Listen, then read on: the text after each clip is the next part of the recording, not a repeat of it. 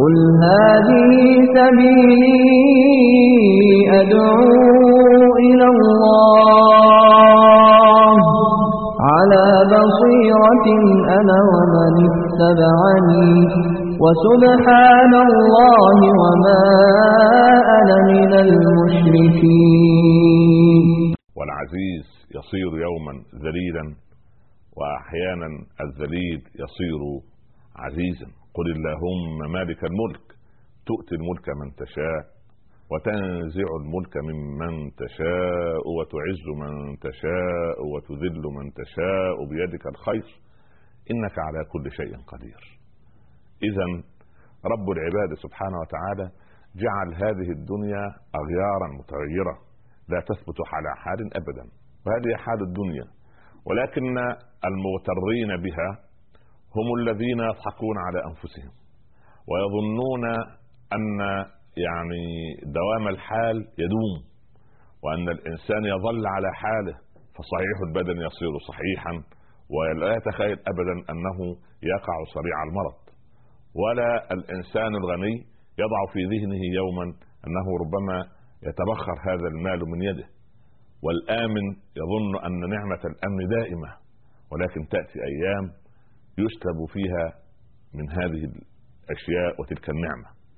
ولكن العبد المؤمن هو يعني أعظم ما يعبد به رب العباد عز وجل الرضا بمواضع القدر.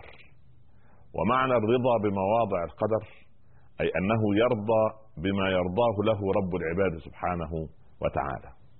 وفي مجتمعاتنا الإنسانية سبحان الله تجد أن هناك طائفة من الأقوياء وطائفة من الضعفاء. طائفة الأقوياء نحن لا نتحدث عنهم اليوم ولكن نتحدث عن الجانب الآخر جانب الضعيف. وكيف ونحن نتحدث في حلقات القرآن والإنسان كيف كرم أو وضح رب العباد سبحانه وتعالى في كتابه وعلى لسان رسوله صلى الله عليه وسلم وبما جاء في كتب الفقه المعتمدة والأحاديث الصحيحة الواردة عن المعصوم عليه الصلاة والسلام. ما هي حقوق الضعيف في الإسلام؟ والضعيف في الإسلام ليس عينة واحدة.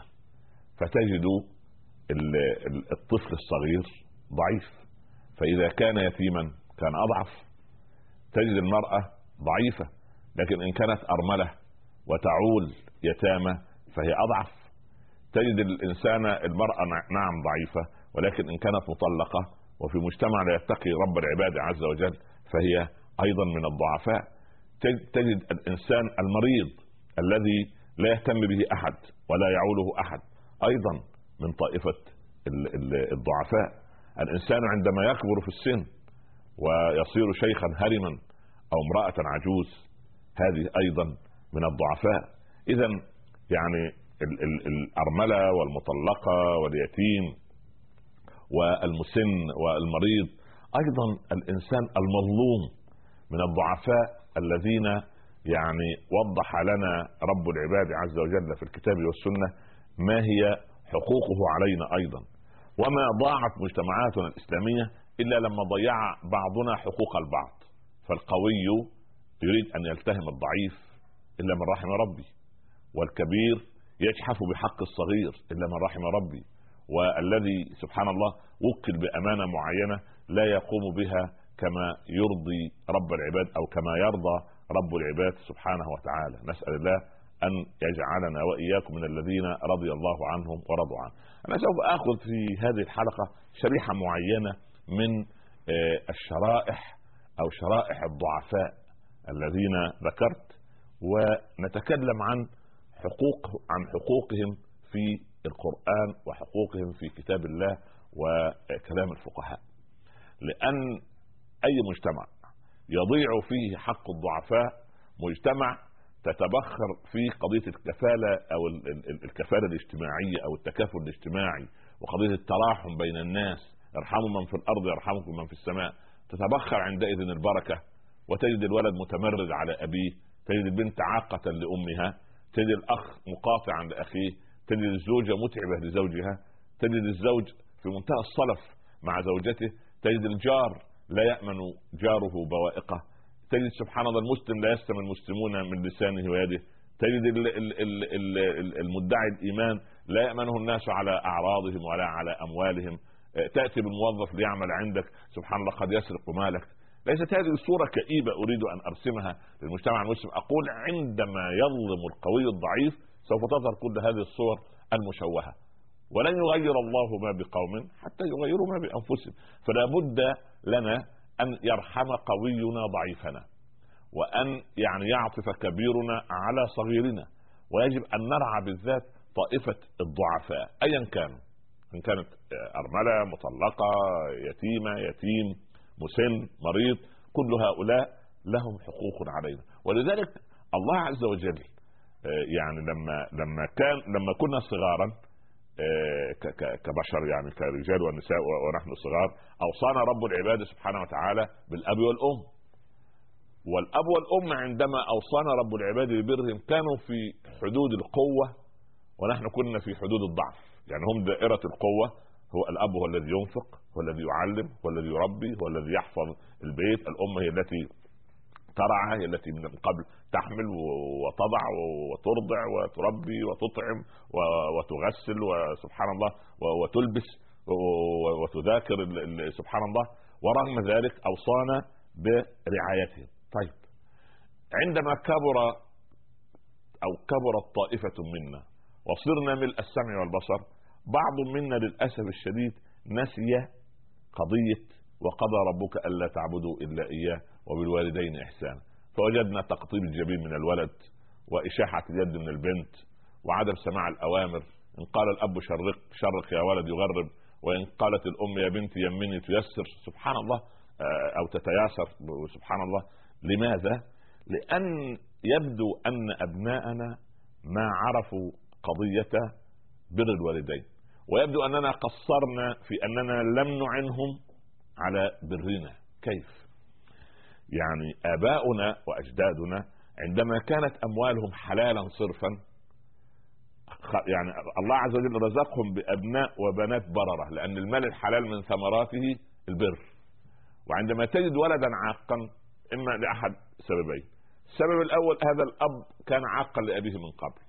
فبروا آباءكم تبركم أبناؤكم. هذا هو الأمر الأول. الأمر الثاني اللحم الذي نبت من سحت النار أولى به. فالولد يطعم من حرام وللأسف الشديد عندما يكبر لا يكون بارا بأبيه ولا تكون البنت بارة لا بأبيها ولا أمها. إذا إعادة صياغة رعاية حقوق الضعيف. ما هي حقوق الضعيف؟ الأب والأم كبروا في السن وعبروا الستين والسبعين والثمانين. هنا صاروا في جانب الضعف أو جانب الضعفاء. والله سبحانه وتعالى أمرنا بهؤلاء يعني أن أن يعني الله عز وجل كما ورد في الأثر إذا كبر العبد يقول له رب العباد عبدي شاب شعرك واحدودب ظهرك ووهن عظمك فاستحي مني فإني أستحي أن أعذبك. إذا كان الله يستحي من عبده كبير السن لماذا لا نستحي نحن؟ سبحان الله. ولذلك أنا أريد أن ألمس قضية المسنين في مجتمعاتنا. كبار السن. المسن هو الانسان ال ال ال يعني الذي كبر وطعن في العمر. ولكن في بعض الألفاظ نحن نرددها قد ننسى معناها أو قد لا ننتبه إلى معناها. نقول هذا رجل كهل. والعجيب أن الكهل ليس يعني فوق السبعين والثمانين لا. الكهل في اللغة سبحان الله هو ال الإنسان اللي بين الثلاثين والخمسين. هذا يقال كهل. إحنا عندنا الطفل وبعدين صبي وبعدين غلام وبعدين شاب وبعدين رجل وبعدين كهل لما يوصل 30 سنة سبحان الله. فإذا بلغ الإنسان يعني أو صار كهلا يعبر من الكهوله بعد الخمسين إلى شيخ. إذا وصل العبد خمسين سنة من خمسين إلى ستين يعني هذا العمر اللي هو عمر الأمة المحمدية أمتي ما بين الستين والسبعين سبحان الله. فده اللي هو الإيه؟ دخل في حالة الإيه؟ الشيخوخة. أما بعض الناس تخلط ما بين يقول هذا رجل عجوز. لا لا تقال عجوز الا للمراه كبيرة السن. يعني يعني ألد وأنا عجوز وهذا بعلي شيخة.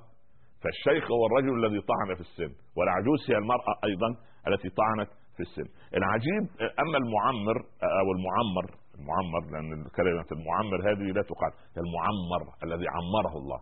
لكن أنت عندما تبارك لإنسان بايطاليا يقول له عمرك الله في الطاعة. يعني إيه؟ يعني إذا إذا يعني خير العباد من طال عمره وحسن عمله وشر العباد سبحان الله من طال عمره وساء عمله. يعني في ناس والعياذ بالله بعد ما يكبر في السن هو حتى إذا بلغ أربعين سنة أول ما الإنسان 40 سنة. رب أوزعني أن أشكر نعمتك التي أنعمت علي وعلى والدي وأن أعمل صالحا ترضاه. واصلح لي في ذريتي. سبحان الله. اذا قضية الأربعين لأن الأربعين هذه قال علماء الفسيولوجي والتشريح أن آخر تكوين للعظام في الإنسان عند سن الأربعين. آخر سبحان الله الشيء في النمو والتكوين والتكامل أربعين سنة. خلاص. حتى إذا بلغ أشده واستوى. ولذلك رب العباد في القرآن لما ندقق نجد أن الله لما تكلم عن سيدنا يوسف قال رب العباد عنه فلما بلغ أشده آتيناه حكما وعلما. وقال عن سيدنا موسى فلما بلغ أشده واستوى آتيناه حكما وعلما. لماذا في سيدنا يوسف؟ قال فلما بلغ أشده آتيناه حكما وعلما. ولماذا في موسى؟ قال لما بلغ أشده واستوى. بلوغ الأشد هو يعني في حدود من سن البلوغ إلى آخر سن المراهقة يعني سن الثامنة عشرة مثلا. ده الأشد. لغاية سن عشرين سنة أو عند الأحناف يعني كما يقولون 21 سنة مثلا. ده ده الايه ده الأشد. أما آه، ده, آه، ده بلغ اشده أما الاستواء هو بلوغ الأربعين. يعني اذا الوحي نزل على سيدنا يوسف فيما دون العشرين. ونزل على بقية الأنبياء سبحان الله بعد الأربعين باستثناء سيدنا آه، يحيى. قال ربنا وأتيناه الحكم صبيا. هذه حاله استثنائيه سيدنا يوسف كذلك. لماذا؟ لأن أتيناه حكما وعلما لما بلغ اشده لأنه سوف يتعرض للابتلاءات مبكرا. يعني سوف تهجم عليه فتنة امرأة العزيز في سن مبكرة. فالله عز وجل كانما يعطيه مناعة إيمانية حتى يستطيع أن يعني سبحان الله يواجه هذه العاصفة من فيروس الايه الانحراف أو هجوم الفتنة عليه. أما سيدنا موسى فلم يتعرض للفتنة صغيرا بل بالعكس عاش في في قصر فرعون على مدى ثلاث ثلاثة عقود 30 سنة. وبعدين تحرك من قصر فرعون لما قتل الرجل القبطي وتوجه إلى ماء مدين وعاش عشر سنوات وعاد آه، عن طريق صحراء سيناء وآتاه الله عز وجل الوحي. أو كلمه الله سبحانه وتعالى أتاه الرسالة يعني أتاه الرسالة وكلمه تكليما في آه، صحراء سيناء وعنده أربعين سنة لما فلما بلغ أشده واستوى. نعود إلى قضية الشيخوخة والكبر والعجز والهرم والمعمر الذي طال عمره أو حتى إذا يعني يعني ومنكم من يرد إلى أرذل العمر. أرذل العمر بالنسبة له يشعر كأنما هو قد صار ثقيلا على من حوله. وبالنسبة لمن حوله إن كانوا صالحين فهم يشفقون عليه اشفاقا لأنه كبير السن وضعيف الحركة.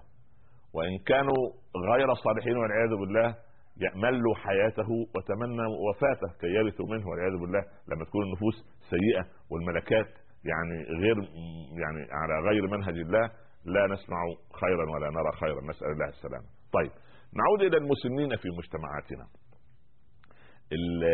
احصائيه آه، سنة 2000 يعني من ثمان سنوات تقريبا أن كل أحد عشر فردا في العالم فيهم واحد مسن. كل سبحان الله آه، يعني يعني 11 فرد فيهم مسن واحد. بعد تقريبا إن شاء الله 15 عام برصد العلماء الانثروبولوجي وعلماء الإنسانيات وعلماء الاجتماع يقولون إن كل سبعة أفراد سوف يكون منهم بينهم مسن يعني على سنة 2025 إن شاء الله بالإحصائيات الحديثة يقول إن كل يعني سبحان الله سبعة أفراد يكون بينهم مسن واحد يعني نسبة واحد إلى سبعة. اذا هم يعني نسبة نفرض أن 2025 مثلا إن شاء الله إذا وصل يعني عدد سكان العالم إلى 7 مليار نسمة فيبقى في مليار مسن. طيب. الفكر المادي المرتبط بالأرض كان والعياذ بالله في مطلع العشرينات والثلاثينات والأربعينات وأيام إثمار والعياذ بالله الشيوعية كان يرون إعدام المسنين وإلقائهم في سيبيريا والتخلص منهم لأنهم طاقة مهملة وكانوا يسمون وقضية القتل الرحيم وهذه الأمور العجيبة التي يربط الإنسان بها قيمة الإنسان بما ينتج. و يعني سبحان الله العظيم الآن الآن نحن نريد أن نقول أن الحمد لله من فضل الله إن عندنا ثوابت في شرعنا الحنيف تجعل الإنسان سبحان الله يعني له معالم واضحة في تصوراته نتيجة العقيدة الصحيحة السليمة والدين الحنيف الذي أنزله لنا رب العباد سبحانه وتعالى. ولذلك ليس منا من لم يوقر كبيرنا ويعطف على صغيرنا ويعرف لعالمنا حقه. يجيء أبو بكر بوالده أبي قحافة ليعلن إسلامه بين يدي رسول الله صلى الله عليه وسلم وفي حجة الوداع. فلما رأى النبي صلى الله عليه وسلم أبا قحافة وقد عبر الثمانين وشاب شعره وشابت لحيته سبحان الله قال يا أبا بكر لما أتعبتم الشيخ؟ هل أرحتموه حتى أتيه أنا؟ انظر إلى تقدير النبي صلى الله عليه وسلم لكبير السن. ومن الذي يقدر؟ يعني الرسول يؤتى إليه ولا يجب أن يأتي لكن من تواضعه وإجلاله وتعليمه لنا صلى الله عليه وسلم وقال فيه رب وإنك على على خلق عظيم. يقول يا أبو بكر لما اتعبتم الشيخ؟ يعني كان من الشيخ يظل مكانه وأنا الذي أتحرك إليه، أنا الذي أذهب إليه، أنا الذي آتي لأزوره، أنا الذي آتي لأسمع منه الشهادتين، اذا ليس منا من لم يوقر كبيرنا توقير الكبير حتى بعض الآراء التي لا تقول يقوم لا يقوم أحد لأحد. الإسلام يعني يعني ينتدب ويبيح ويشجع المسلم أن نقوم لكبار السن. وقال صلى الله عليه وسلم للأنصار قوموا إلى سيدكم. اذا الرجل ذو حيثية ذو ذو مكانة. لا لا لا لا, لا ضرر ابدا أن أن يقوم الإنسان بكبير السن وكان النبي صلى الله عليه وسلم يقوم عندما يرى الفقراء وأهل الصفة آتينا سبحان الله إليه فكان يقوم إليهم صلى الله عليه وسلم يقول أهلا بمن عاتبني فيهم ربي. أما وضع المسن ووضع المرأة العجوز والشيخ الكبير في الإسلام وحقوقه هذا يجب أن نوضحه وأن نبينه كي لا ننسى طائفة من الضعفاء في مجتمعاتنا. نسأل الله سبحانه وتعالى أن يجعلنا وإياكم ممن يحقون الحق ويبطلون الباطل وأن يجعلنا وإياكم من الذين يستمعون القول فيتبعون أحسنه. تعالوا إلى حقوق المسن في الإسلام ولكن كونوا معي بعد الفاصل. نتواصل إن شاء الله رب العالمين. أهلا بكم.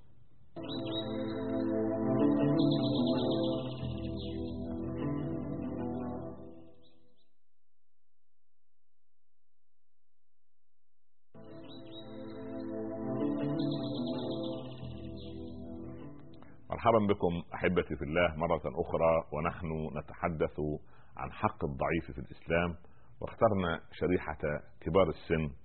اللهم بارك لنا فيهم وعمرهم في طاعتك يا رب العالمين واجعل هذا العمر في خدمة الإسلام لأن ما من شعرة تشيبه الإسلام إلا ويستحي رب العباد سبحانه وتعالى أن يعذب صاحبها يوم القيامة. لابد لنا أن نجل كبير السن. لماذا؟ قلنا إننا كنا اطفالا. وكان الأب هو القوي وكنا نحن الضعفاء. كان الأب غنيا وكنا نحن الفقراء. كان الأب والأم يعطيانا يعني يمدان أيديهما بالمعونة وبالإعانة وبالتربية وبالعطاء ولا يمنون علينا. أصبح الآن الولد يمن على ابي أنه زاره مرة وإذا قال له يا بني لما لم تسأل عني مثلا من مدة؟ سألت عنك الشهر الماضي سألت عنك الجمعة الماضية. هل تظن أن هذا الولد يبارك له في عمره؟ أو يبارك له في ولده؟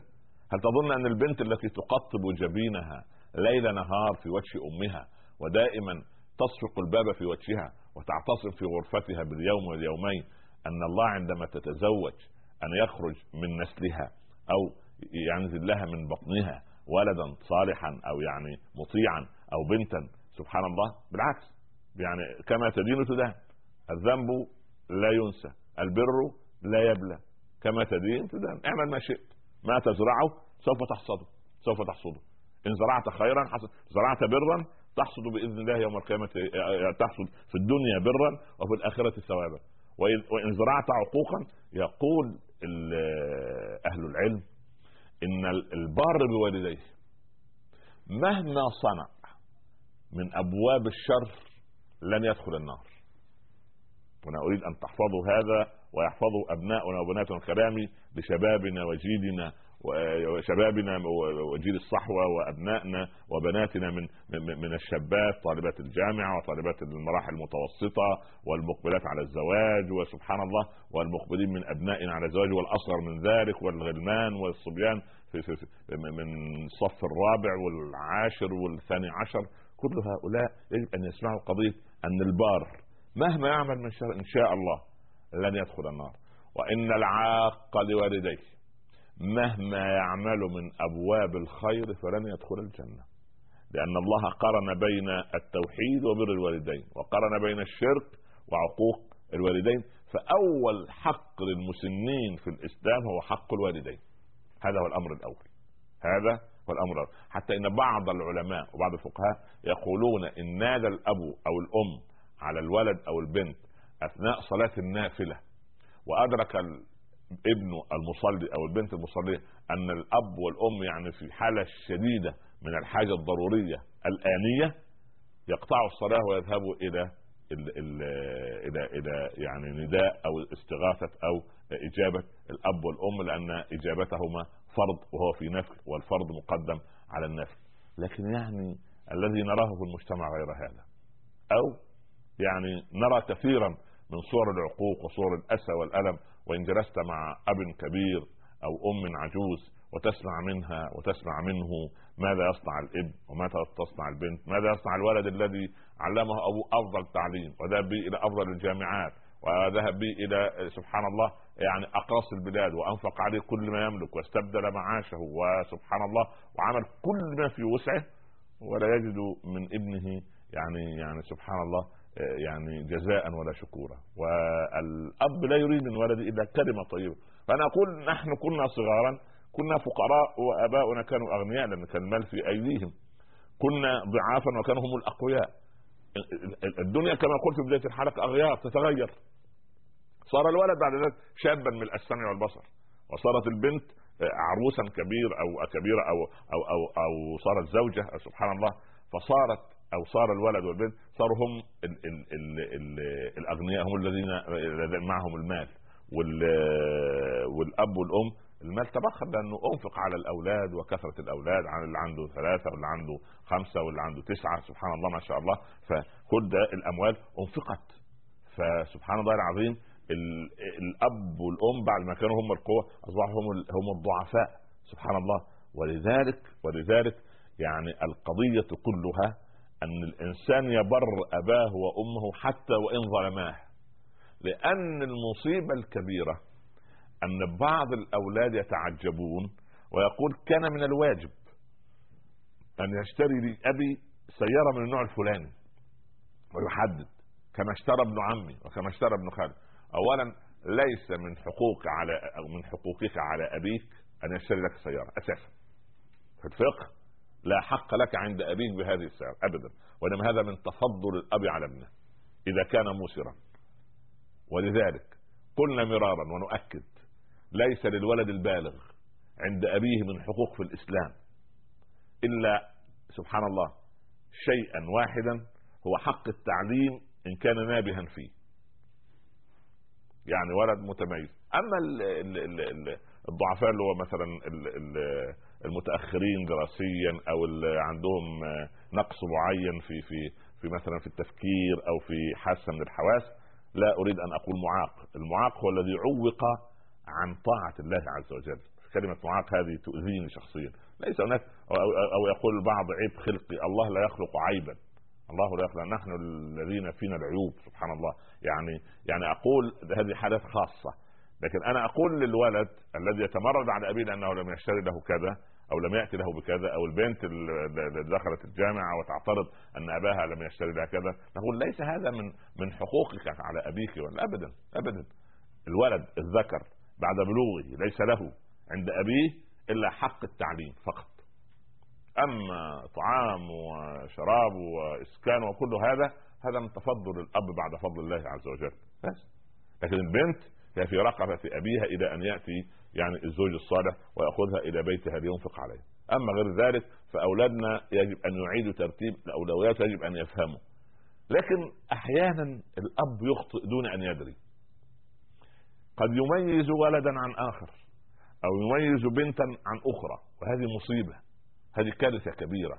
يجب أن تسوي بينهم في الأعطيات حتى يقول بعض علمائنا ان قبلت ولدا يجب أن تقبل الولد الآخر مسحت على رأس البنت لازم تمسح على رأس البنت. الثاني ولا تميز ولا ولا ولا تدخل يعني سبحان الله العظيم مسألة العقوق من الولد في منعه من كذا. مثلا بعض الأباء يقول الولد هذا عاق سوف أمنعه من الميراث. ويذهب إلى المحامي أو يعني كاتب العدل أو غيره يوثق ورقة معينة ويكتب أن هذا الولد قد منعته من التركة بعد موتي هذا ليس لك. هذا ليس لك. أنت لا تحكم بعد موتك فيما لا تملك. أنا إذا مت مالي الذي تركته هذا أو مال الله الذي كان عندي وأنا كنت مستخلف فيه صار تركة. يعني ما تركه الميت يسمى تركة. فإذا يقسم بالميراث أما عقوق الولد عليه آه صحيح هو يأخذ من الميراث وقد لا يبارك له فيه ولا يبارك له في عمره ولا يبارك له في رزقه ولا يبارك له في أولاده مسألة أخرى. هذه علاقه بينه وبين الله أما أنا أفرق بين الأولاد صحيح أنا أحب الولد البار أمر طبيعي وأميل قلبي إلى البنت المطيعه وأتحسس إن البنت اللي, اللي, اللي, لما يكون عندي بنت متمردة أو بنت صاحبة شخصية قوية بحيث أنها تريد أن تأخذ كل شيء في في في سبحان الله في, في, في يدها أو لا تريد أن تعطي الآخرين والأخريات من أخواتها أو إخوانها. هناك كارثة كبرى أيضا يقع فيها ال ال لأن دي مشاكل موجودة في المجتمع. بعض الآباء والأمهات يريد أن يعني يوبخ زوجه زوجته يعني آه، أو امرأته آه، عن طريق الولد أو البنت. فعندما يرى ولدا مثلا غير فالح في الدراسة ومتعثر والله اصله بصراحة عنده غباء كخاله. آه هنا دخلنا في المحظور. لماذا؟ انت مالك ومال خاله سبحان الله. يا أخي أنت لما تقدمت وتزوجت بنتهم يعني كان يعني عيب عليك أنك يجب أن تمسك لسانك ولا تقول إلا خيرا لأنك بتسيء إلى سمع الولد عن خاله هذا أمر. وتوبخ ابنك أمام أم هذا أمر آخر. وتسيء إلى زوجتك وهي لا ذنب لها. أنا نفرض أن ربنا رزقها بأخ. قدراته العقلية يعني يعني إيه المشكلة يعني هذا هذا هذا رزق من الله. وإحنا ليه الرزق واخدينه أن هو مال وفلان ربنا رزقه ويقول لك بكم درهم؟ بكم دولار؟ طب فلان ربنا رزقه بحفظ البقره هذا أكبر رزق. ربنا رزقه بقيام الليل هذا رزق. رزقه بزوجة صالحة رزق. صحة رزق. حب الناس رزق. سبحان الله أن أمشي على قدمين رزق أن أتكلم أن أرى أن أسمع. الله هذه كلها هذا كله رزق. لماذا نحن حصرنا الرزق؟ يعني هذا من باب يعني أن ضيق التفكير وعدم سعة التفكير. فأنا أريد أن أعود إلى قضية الأبناء والبنات ومسألة المعاملة أو الأزواج والزوجات عامة أو يعني الجيل مع الجيل السابق. اولا وجود مسنين بيننا فهذه رحمة. لماذا؟ لأن في المجتمعات الإسلامية كلما كبر الإنسان في السن كلما استقام حاله. خلاص نزق الشباب ولا؟ والهجوم النوازغ الإنسانية والشهوات والغرائز المعينة خلاص بدأت تضعف. فبدأ يعني سبحان الله يعيد حساباته يكون أهدأ. سبحان الله يكون أكثر تعبدا. تجد الرجل الذي عبر السبعين والثمانين والمرأة الصالحة التي كبرت آه، النور في وجهه والنور في وجهها. تجد أن كلامه أصبح آه، سبحان الله مختار. أصبح سبحان الله الخبرة التي عنده يعني يقول كلاما حكيما كلام سبحان الله ينفع. لكن الكارثة الكارثة أن تجد بيننا مثلا عجوزا متصابية. هذه مصيبة أخرى من المصائب. يعني واحدة مثلا عبرت الستين والسبعين أصباغ في وجهها وتشد وتشها وتشد مش وتشها وتشد مش عارف إيه وتصغر في إيه وتكبر في إيه. سبحان هذا من باب التفاهات العقلية. يعني نحن يجب أن نعيش وقتنا وأن نعيش عمرنا وأن نعيش حياتنا ولكن بالرضا ولكن دون أن نعيد يعني هذا الشعر المحدود العقل قل ألا ليت الشباب يعود يوما فأخبره بما فعل المشيب. يا أخي الشباب ولا وعنفوان ولا وتهوره ولا وجاءك الهدوء. وجاءك سبحان الله السكينة وجاء الرضا وجاءك سبحان الله كده وعندك كده يجتمع حولك الأولاد والبنات وسيدنا معاوية قال لعمرو لما قال له ماذا بقي لك من لذة الحياة يا أمير المؤمنين؟ قال والله أما الطعام فأكلت حلوة ومرة وأما الشراب فشربت منه كذا وأما اللباس وأما السكن وأما الزواج كل ده انتهى. ولم يبقى لي إلا يعني يعني لذة الحياة في أمرين الأمر الأول كوب ماء بارد في الصيف. وأن أرى بني وبني بني وهم يدورون من حولي. إذا قضية أن متعة الحياة بأن ترى أبنائك وأبناء بناتك سبحان الله وأبناء أبنائك سبحان الله العظيم دول إيه في نعمة من النعم وهذه إيه تدل على طبيعة المسن وكيف نتعامل معه. تعال إلى بعض من حقوق المسنين علينا. اولا قلنا إن الآخر أو الذين ليس لهم آه، يعني كتاب وسنة سبحان الله إذا كبروا في السن اول شيء إما أن ينتحروا أو عندهم شيء اسمه القتل الرحيم. اللي هو الميؤوس من شفائه وكلمة الميؤوس من شفائه هذه ليست في الإسلام. ما خلق الله داء إلا وخلق له دواء إلا دواء الهرم. دواء كبر السن هذا سبحان الله ده لا ما فيش يعني لا تعود الحياة أدراجها. يعني خلاص. الشعر الأبيض لا يعود أسود الأسنان التي لا تعود تنبت مرة أخرى. خلاص السمع يبتدي يضعف وهن العظم مني واشتعل الرأس شيبة كما قال سيدنا زكريا. اذا قضية ال ال يعني ال ال الآخر عندهم حكاية القتل الرحيم أو المريض الميؤوس من الشفاء يبتدي يديله حقنة ينهي حياته. هذه ليست في الإسلام. حق المسن علينا هو أن نعالجه وأن نراعيه وأن نقف بجواره وأن نعينه وأن ننفق عليه وأن نزوره وأن نعوده وأن نتولى أمره باهتمام ورعاية إلى أن يقضي الله أمره. ولكن في نقطة أخطر. ليس ملك الموت قريبا من كبير السن والمسن عن صغير السن. ابدا. يعني يقول آه ملك الموت فلان مات آه، لماذا؟ أصلا عنده 80 سنة. طب الولد اللي عنده ثلاث سنوات ما الذي أماته؟ لأن جاء حينه. سبحان الله. حتى إن النبي صلى الله عليه وسلم دخل يعود عمه العباس. عمه العباس يئن من شدة الألم في أواخر حياته. يقول يا رسول الله آه، يعني ادعو الله لي يعني يريد أن يترك يتمنى الموت يعني. قال يا عباس يا عماه لا يتمنى أن أحدكم الموت لضر قد نزل به. وإنما يقول اللهم أحيني إن كانت الحياة خيرا لي وأمتني إن كان الموت خيرا لي. أما مسألة تمني الموت لا. هذا دليل على يأس وإحباط وإنما نحن طالما في الدنيا نحن نعمر هذه الدنيا بطاعتنا لله سبحانه وتعالى. أما بقية حقوق المسن في الإسلام وحقوق كبار السن في الإسلام فهذا أيضا نفصله ولكن إن شاء الله بعد الفاصل كونوا معي. أهلا بكم.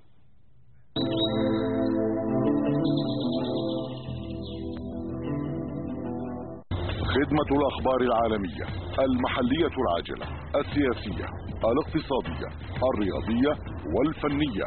أصبحت في متناولكم الآن. للاشتراك اكتب عبارة دي ام اي نيوز وأرسلها على الرقم 3808 مؤسسة دبي للإعلام لأننا شركاء في الإبداع.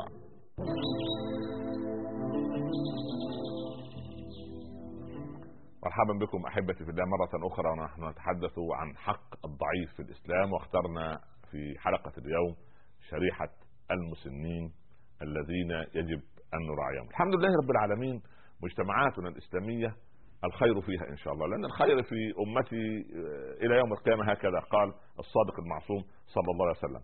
يعني قضية أن أحيانا يعني تكون ال ال الكبير السن يكون ثقيلا على غيره. يعني بمعنى إيه؟ مثلا إنسان يرعى أمه ويتمكث معه في بيت هذا شيء طيب. وزوجه يجب أن تتحمل أم زوجها لأن هذه أمه فأين يذهب بها؟ قال ربنا إما يبلغن عندك الكبر. يعني إيه عندك؟ يعني في بيتك. ما قال في, دار المسنين ولم يقل في, بيته عندك. لأن سبحان الله قال يا ابن الخطاب هذه أمي رجل يحمل على كتفيه امرأة يطوف بها جئت بها من الشام وأديت لها مناسك الحج وأنا الذي أطعمه بفمي وأغسلها بفمي وأرفع عنها الأذى أطعمها بيدي وأغسلها بيدي ويعني أرفع عنها الأذى بيدي. فهل أديت حقها نحوي؟ هل حقوقها؟ وصلت خلاص. قال ولا بطلقة واحدة من طلقات ولادتك. كانت تفعل معك هذا وتتمنى لك الحياة وأنت تصنع معها هذا وتتمنى لها الموت. يعني هي كانت بتطعمك وترفع عنك الأذى وتسهر على راحتك. ولكن كانت تقول ربنا يبارك فيه ربنا سبحانه وتعالى وبعض الأمهات من من قلة العلم وقلة الدرايه بالدين. يقول يا ربي خذ الحرارة ولا السخونة اللي عند ابني أو ولدي ولا المرض اللي عنده وضعه عندي أنا لا إله إلا الله. طب يا سيدي القادر أن يرفع المرض عن ابنك لا داعي لأن تاخذ أنت المرض مش معقول يعني لازم يكون واحد فيه مريض يعني. فسبحان الله يعني اسألوا الله العفو والعافية.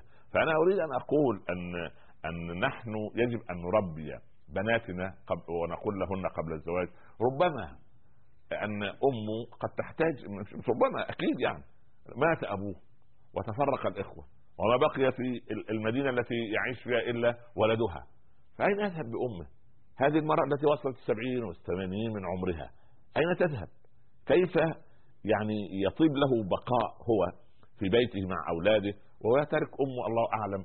من يعني يعطيها الدواء ليلا؟ من يعطيها كوب ماء لتشرب؟ من يأخذ بيدها وهي تتعثر في الطريق؟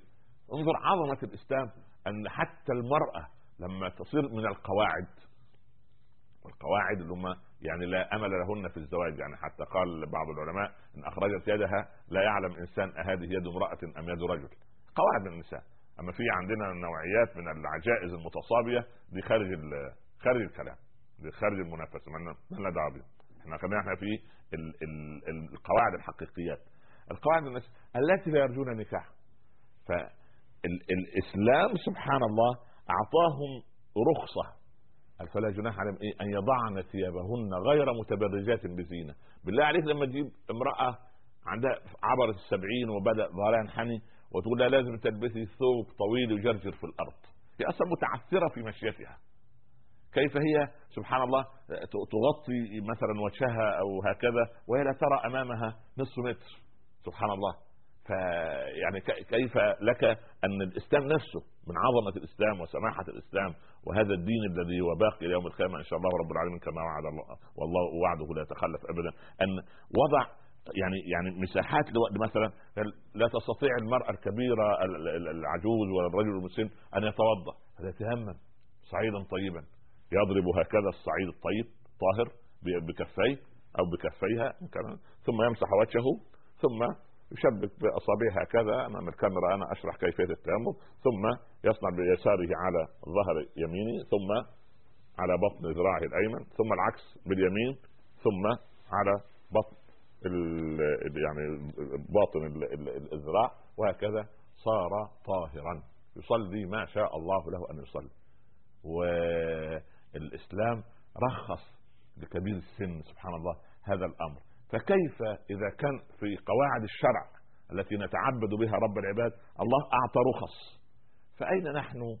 سبحان الله من من من من من من, من, من هذه من هذه الرخص في تعاملنا مع كبار السن. كبار السن أصلا يعني شيء بسيط يرضيه سبحان الله ثم لتبلغوا أشدهم ثم لتكونوا شروط ثم إيه يرتد سبحان الله يعني ومن نعمره نكسه في الخلق. يرتد كانه طفل مرة أخرى ترضيه كلمة. وتغضبه كلمة. فيجب أن تتسع له يعني شوف الأم صبرت علينا كيف لغاية ما كبرنا. والأب كيف صبر. وسبحان الله حتى وصل الإسلام بأن الرسول صلى الله عليه وسلم جعل الخالة والخال في مقام الأب ومقام الأم. بر خالتك يكفر الله عنك من ذنوبك والخال كما يقولون في بلادنا العربية الخال والد. يعني سبحان الله فأين هذه الخؤوله اليوم؟ هل هل ذهب ابن الأخت ليقبل رأس خاله ويقول هذه هذه من رائحة أمي ورأس عمه لأنه من رائحة أبيه؟ هل قبل يد خالتي لانها وهكذا. يعني سبحان الله إن لم نتواصل هكذا تتبخر منا الرحمة. ف... فالإسلام أعطى هذه المساحة الكبيرة. قضية حق التداوي في الإسلام للمسن في شيء اسمه آه، ارفعوا الأجهزة ولا داعي لعلاج كبار السن. لا هذه هذه عند الآخر. لكن عند المسلمين عند اخواننا في الانسانيه الذين يعني ما فتحوا كتاب الله عز وجل لكن نحن كمسلمين سبحان الله كيف نراعي هؤلاء سبحان الله كيف نعودهم كيف نزورهم آه، كيف يشعروا انهم ليسوا منفردين في هذه الحياة فانا الحقيقة ارى ان اي مجتمع يحترم فيه ويجل فيه ويكرم فيه كبار السن هذا مجتمع فيه الرحمه وتنزل عليه سبحان الله العظيم الفضل الالهي ثم هناك منطق عجيب جدا. أن كبير السن هذا مقدم في الصلاة سبحان الله ومقدم في المجلس. إذا كان هناك رجل ذو حيثية في المجلس يعني ال... هو يعني يقول كبر كبر يعني إيه؟ أعطي كبير السن. كبير السن له مقامه له مكان اذا إذا أذن سبحان الله كبير السن هذا يأتي في مراتب الايه الصلاة يؤم أقرأهم بالقرآن. فإن كانوا في القراءة سواء أعلمهم بالسنة فإن كانوا في السنة سواء أقدمهم هجرة فإن كانوا في الهجرة سواء أكبرهم سنا. إذا الكبر السن ده مقدم حتى في الإمامة الصغرى وهي الصلاة يعني صلاة الجماعة. إذا كبير السن ده له وضعه له وضعه وأي مجتمع يجل كبار السن اعلم أن هذا مجتمع ما زال فيه الخير والحمد لله ما زالت مجتمعاتنا بخير لذلك أنا أعظ نفسي وأعظكم جميعا. أن له عم أو خال أو قريب بعد أن كان الأب والأم قد مات وقد كبروا في السن لا تتركوهم منفردين لا تتركوهم إلى الخدم. لا لا. الخادم هذا موظف يعني يعمل نظير أجر. أما أنت فأنت تخدم أباك وأمك نظير الثواب والأجر. والفرض الذي فرضه رب العباد سبحانه وتعالى. كان أبو هريرة يدخل على أمه السلام عليك يا أماه رحمك الله عز وجل كما ربيتني صغيرا. تقول وعليك السلام ورحمة الله يا أبا هريرة ورحمك الله يا بني كما بررتني كبيرا. سبحان الله. أنا ربيتك تربية حسنة وأنت صغير. أنت تبرني وترد لي الإيه؟ الخير هذا وأنت كبير. إذا سبحان الله القصة العجيبة الرمزية التي يقال أن المرأة العجوز لما زوجت ابنها أبت العروس في اليوم الأول آه، أو اليوم الثاني من الزواج أن تمكث مع هذه الحيزبون تحت سقف واحد. قالت لا أنا لا اساكن هذه الحيزبون تحت سقف ماذا أصنع؟ قالت ألقيها في الجبل. أخذ أمه كما تقول القصة وألقاها في الجبل. وعاد فرأى أمه تبكي. عاد متنكرا غير في شكل لبسه وزيه قال ما يبكيك يا اماه أنت يا أمة الله. إيه قالت إن ولدي أبت عروسه أن تساكنني تحت سقف واحد. قال ثم ماذا؟ قال فأتى ابني بي في هذا المكان البلقع وألقاني فيه. قال بدأت يعني عاطفة البنوه تثور عند عند الابن قال وهل هذا ولد يبكى عليه؟ قالت والله أنا لا أبكي منه ولكن أبكي خوفا وخشية عليه من أن يصيبه أذى وهو عائد إلى عروسه. يا إله إلا الله. يعني حتى في المثل العامي يقولوا آه، قلبي على ولد فطر وقلب ولدي عليه حجر. سبحان الله.